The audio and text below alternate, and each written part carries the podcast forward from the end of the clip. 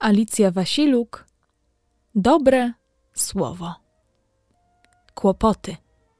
Poczytujcie to sobie za największą radość, gdy rozmaite próby przechodzicie.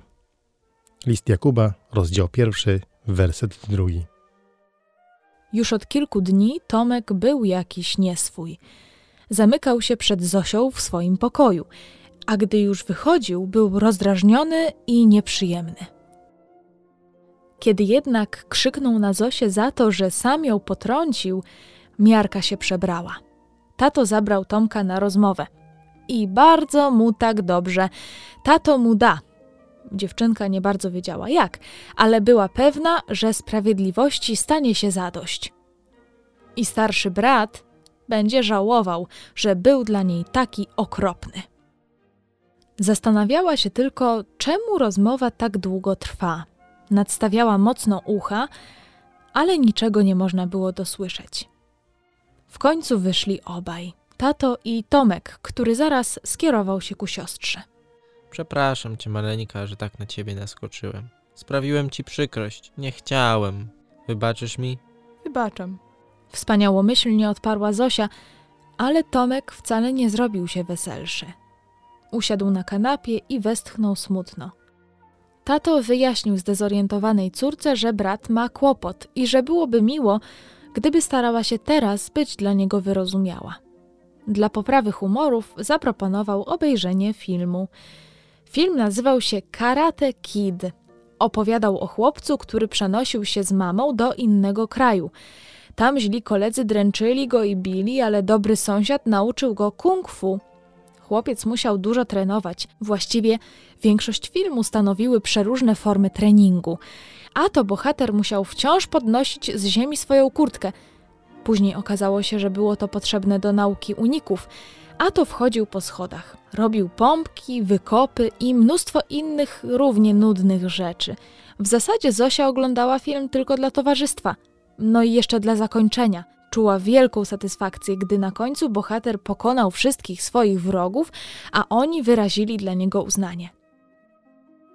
Po filmie tata długo rozmawiał z Tomkiem, ale w tym już Zosi nie pozwolili uczestniczyć.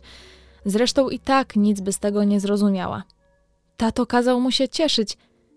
Jak tu się cieszyć, kiedy masz kłopoty? Następnego dnia Zosia czekała do popołudniowych godzin, żeby zastać tatę samego w gabinecie. Musiała się dowiedzieć, czy problem Tomka się rozwiązał.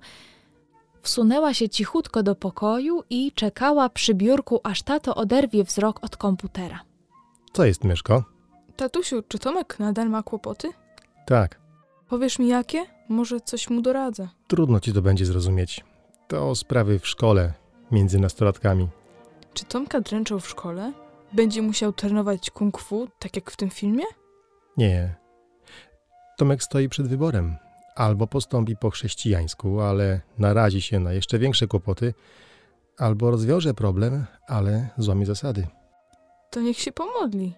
Modliliśmy się. I co, Tomek już nie jest smutny? Jeszcze jest. Wiesz, ta sytuacja jest dla niego bardzo przykra. On cierpi, Zosiu. Masz rację, że oglądaliśmy ten film nie bez powodu. Chciałem, żeby Tomek zobaczył siebie z innej perspektywy. Pamiętasz, jak bohater na początku treningu się męczył? Wszystko go bolało, myślał, że nie da rady. Nie rozumiał, dlaczego mistrz każe mu podnosić kurtkę. Myślał, że mistrz go dręczy, a on chciał go tylko dobrze nauczyć. Tak. I w takiej sytuacji jest teraz Tomek. Bóg go trenuje. Na początku jest ciężko, wszystko boli, ale nie wolno się poddawać. Trzeba zaufać mistrzowi i robić co każe. A kłopoty się rozwiążą, A dlaczego mówiłeś Tomkowi, że ma się cieszyć z tych kłopotów? bo sam największy mistrz chce go trenować. Chce z niego zrobić czempiona. Kłopoty są przejściowe. Chwilę poboli, ale gdy się wytrwa, można dużo zyskać. Tatusiu, a mogę jeszcze o coś spytać? Oczywiście.